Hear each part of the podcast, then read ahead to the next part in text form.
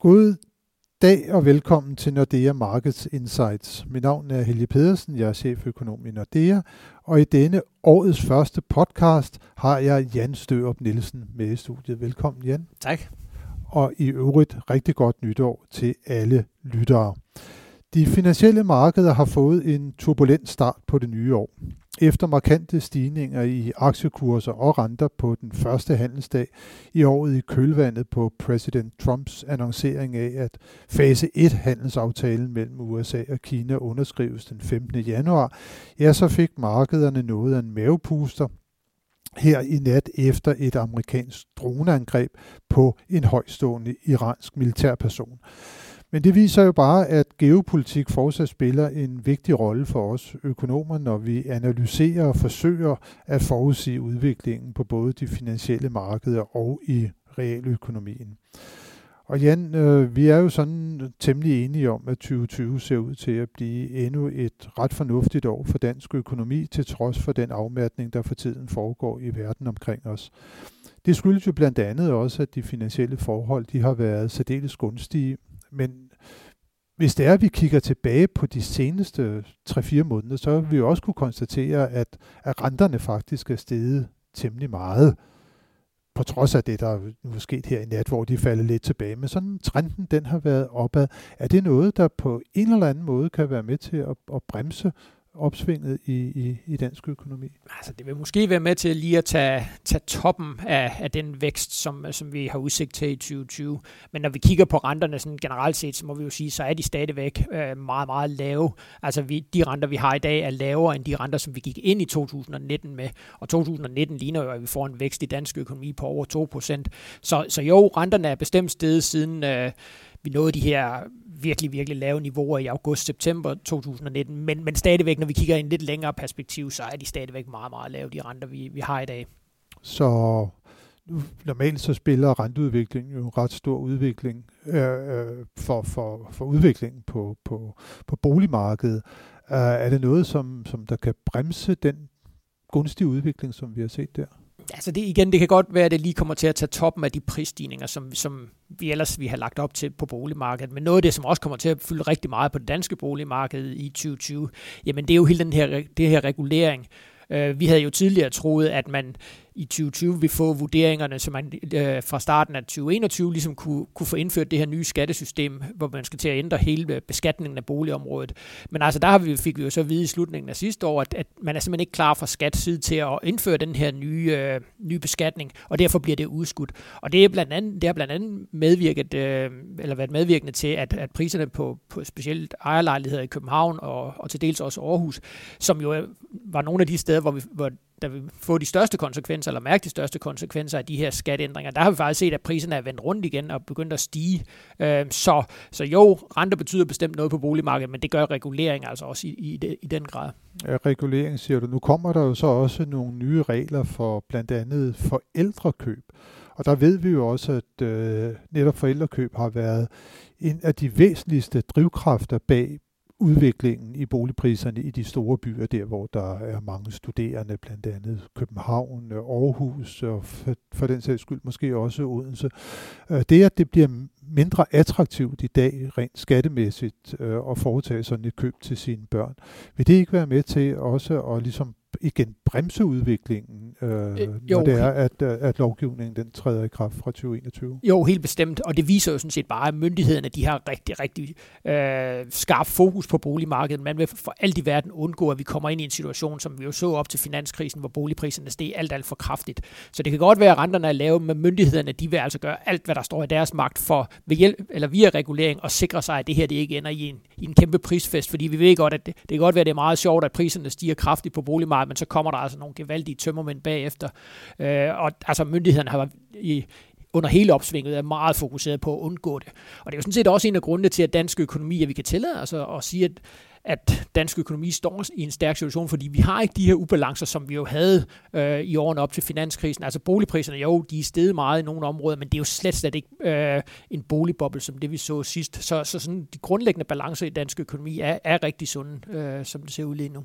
Ja, så man kan forklare rigtig meget af prisstigningerne på boliger med indkomststigninger, og så det kendskærning, at, at finansieringsomkostningerne de er lave. Ja, lige præcis. Øh, og et eller andet sted, hvis man ikke havde strammet regulering, jamen, så havde vi formentlig set meget, meget kraftigere prisstigninger, men myndighederne har ligesom via den her regulering øh, sørget for, at vi ikke er kommet i en, i en kæmpe boligboble den her gang. Hmm. Nu, nu, nu snakker vi sådan om, at, at renterne de jo trods alt er steget noget her hen over de seneste øh, ja, måneder, men, men øh, er det noget, der vil, vil fortsætte, eller er vi ved at have set øh, toppen i, i, i denne her ombæring? Ja, vi tror ikke på, at renterne skal ret meget højere igennem 2020. Øhm, den europæiske centralbank, som jo er, øh, er en meget, meget vigtig faktor i forhold til de danske renter, de vil, de vil gøre alt, hvad der står i deres magt for at undgå, at, at renterne ikke stiger for kraftigt. Øh, de er stadigvæk ikke i mål med deres øh, inflationsmålsætning øh, mange steder i Europa, der mærker man jo virkelig en økonomisk afmatning, ikke mindst i Tyskland, så der har økonomien brug for de her meget lave renter. Så det vil sige, at den europæiske centralbank, de vil, de vil sørge for, at, at sådan som vi ser det, sørge for, at der i hvert fald ikke, øh, at renterne ikke kommer til at stige kraftigt øh, igennem 2020, og det kommer også til at smitte af på de danske renter. Så, så altså vores renteprognose, den, den, er, den er rimelig flad igennem 2020, så vi tror ikke på, at vi skal ned på de niveauer, vi så tilbage i, i efteråret 2019, men omvendt så tror vi heller ikke, at renterne kommer til at stige ret meget herfra. Og der må man vel også så konstatere, at ECB især kontrollerer den korte ende af rentekurven, og så har de amerikanske lange renter jo sædvanligvis en stor påvirkning på de lange renter herhjemme, og der er Forbundsbanken jo også gået i gang med at sænke renten, så, så der er vel heller ikke så meget, der, der tyder på, at de amerikanske lange renter, de skal op øh, lige nu. Nej, og, og altså, så alle de her spekulationer om, at man får sådan en opstramning af pengepolitikken globalt set, jamen den er jo lagt fuldstændig i graven. Nu er det jo snarere tværtimod, jamen kommer der yderligere lempelser øh, fra de store centralbanker i løbet af 2020. Og det er også lige præcis derfor, vi siger, at så er der ikke, der er ikke potentiale for, øh, heller ikke at de lange danske renter kan, kan stige ret meget fra, fra de nuværende niveauer. Så vi skal altså ikke øh, vente, at der kommer markante øh, rentestigninger i løbet af 2020. Det er det, som vi ligesom sidder og ved at snakke os ind i lige Ja, det er i hvert fald det, vores prognose lægger op til, men, men hvis vi nu skal være helt ærlige, så må vi jo også erkende, at, at det er meget, meget svært at lave de her renteprognoser. Det er meget svært at ligesom sige, hvor er bunden, hvor er toppen på de her rentemarkeder. Men altså vores bedste bud, øh, baseret på, hvordan vi ser øh, den globale økonomi, det er, at vi kommer til at se, øh, se øh, kraftige rentestigninger i Danmark over den næste periode. Nej, som du også øh, var inde på øh, før, det er, at inflationen den jo fortsat udvikler sig ganske svagt også i euroområdet. Vi kommer til at få nogle tal i næste uge for, for euroområdets inflationsudvikling. Hvad vil den øh, sige os, Jan? Jamen, den vil sige, at, at inflationen stadigvæk ikke er, eller har stadigvæk rigtig, rigtig svært ved at komme op på de niveauer, som i hvert fald den europæiske centralbank gerne vil have det. Og det er jo sådan set det, en af de primære faktorer for, hvorfor de, ikke, hvorfor de ikke begynder at sætte renten op, netop fordi de kan simpelthen ikke få inflationen op på, øh, på de her 2%, som de, som de rigtig gerne vil. Det kan de hverken i euroområdet, og det kan vi sådan set heller ikke herhjemme. Og selvom vi jo ikke har nogen direkte inflationsmålsætning, så har vi jo også Nationalbanken, der, der via øh, vores fastkurspolitik også jo gerne vil have inflationen op omkring de her 2%. Ja, i hvert fald sådan, så at man kan have en nogenlunde stabil øh, kronekurs øh, over for euroen, uden at man skal begynde at pille for meget ved sine egne rentesatser. Når, hvor vi så snakker om inflationen, øh, næste uge, der får vi jo også tal for inflationen i Danmark. Det bliver jo også lidt spændende at se, fordi vi har jo haft en meget lav inflation, det må vi erkende, og det har været meget godt for husholdninger som, som, som vores måske, hvor at, øh, det er, at vi har fået sådan en, en, en stigende øh, købekraft. Det er i hvert fald være tilfældet for gennemsnitsdanskeren. Kan, kan gennemsnitsdanskeren også se frem til stigende købekraft i løbet af, af 2020? Ja, det tror jeg. Øh, altså, når vi får de inflationstal øh, på fredag, jamen, så vil de formentlig vise, at inflationen er på omkring de her 0,8-0,9 procent. Øh, og det vil betyde, at for hele 2019, jamen, der vil vi ende med en gennemsnitlig inflation på 0,8 procent. Og når lønningerne, jamen, de i gennemsnit er steget med godt 2 procent, jamen, så betyder det jo netop, som du siger, at, at danske husholdninger, øh, lønmodtagere, har fået en, en rigtig pæn fremgang i købekraften. Det tror jeg også, de kommer til i 2020. Nu kommer der overenskomstforhandlinger her i, i første halvdel af 2020, som bliver rigtig spændende at, at følge. Øh, men i forhold til inflationen, jamen, det, jo, jeg tror, den kommer en smule over øh, det niveau, vi har set i 2019, men det bliver ikke ret meget, så vi kommer formentlig til at have en gennemsnitlig inflation i 2020 på, på omkring 1,2 procent. Så det, som vi sidder og siger, det er, at øh, købekraften den kommer til at stige for gennemsnitsdanskeren, og renten den kommer ikke til at eksplodere i opadgående retning. Det ligger jo sådan ligesom et solidt fundament øh, for, for, for økonomien. Øh, arbejdsmarkedet herhjemme til næste år. Hvad skal vi vente der? Vi ser en afmatning i den internationale konjunktur. Vi har set, at arbejdsløsheden den er begyndt at stige i vores nabolande, Tyskland og Sverige. Øh, kan vi blive ved med at, at, at se det her øh, meget stærkt danske arbejdsmarked? Ja, altså det, jeg tror ikke på, at beskæftigelsen kommer ikke til at stige lige så kraftigt, som den har gjort de, de foregående år. Vi vil formentlig se, at beskæftigelsen øh, Øh, nogenlunde kan holde sig på det niveau. Måske øh, med en lille fremgang, men det bliver ikke, det bliver ikke på samme niveau som, øh, som tidligere. Så, så også på arbejdsmarkedet vil man mærke den her bløde landing i dansk økonomi.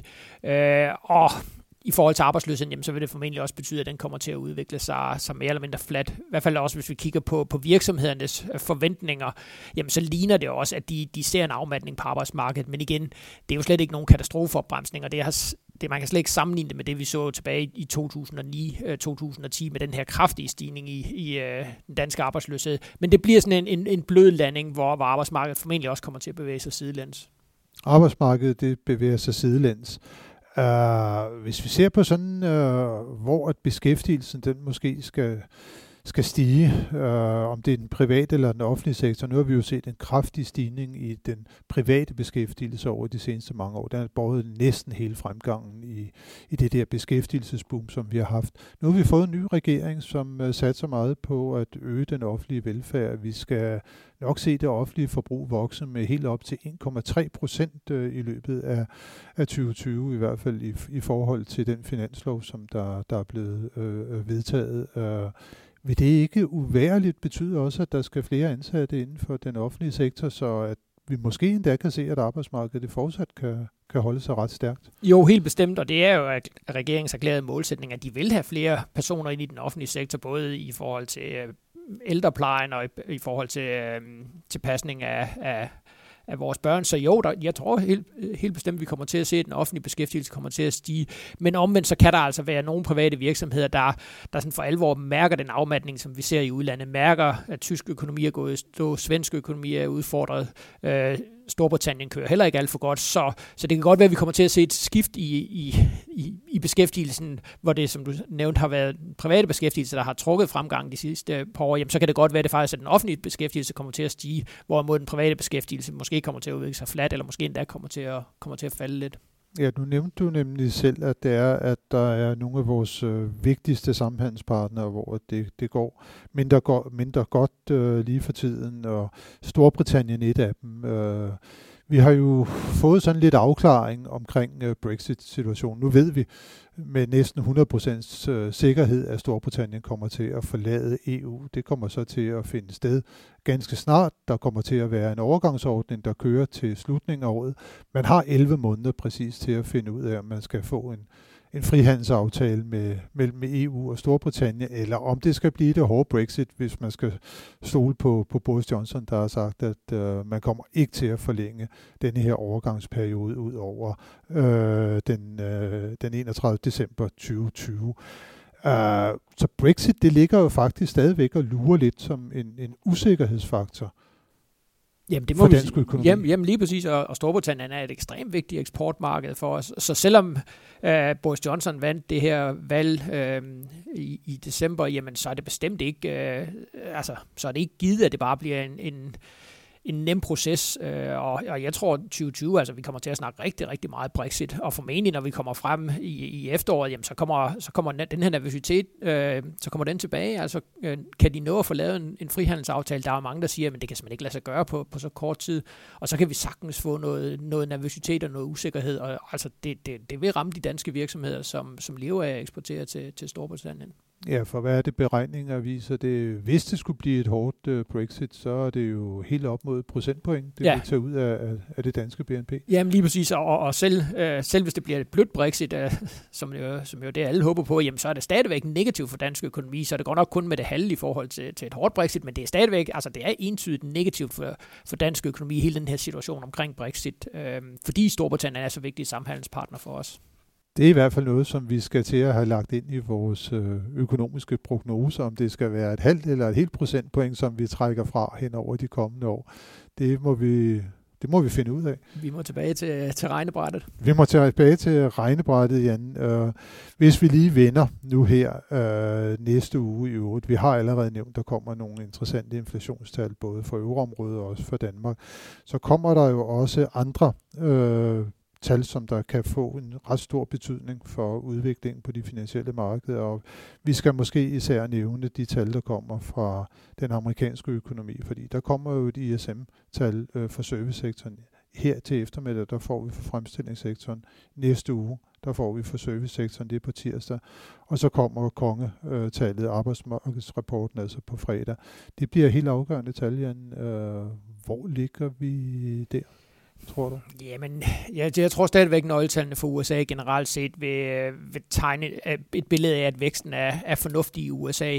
Øhm, så, så der er bestemt ikke øh, lagt op til sådan nogen katastrofeopbremsning i amerikansk økonomi. Amerikansk økonomi er jo også blevet hjulpet rigtig meget af de rentenedsættelser, som den amerikanske centralbank har lavet i, igennem 2019. Så det virker som om, at der stadigvæk er god momentum i amerikansk økonomi.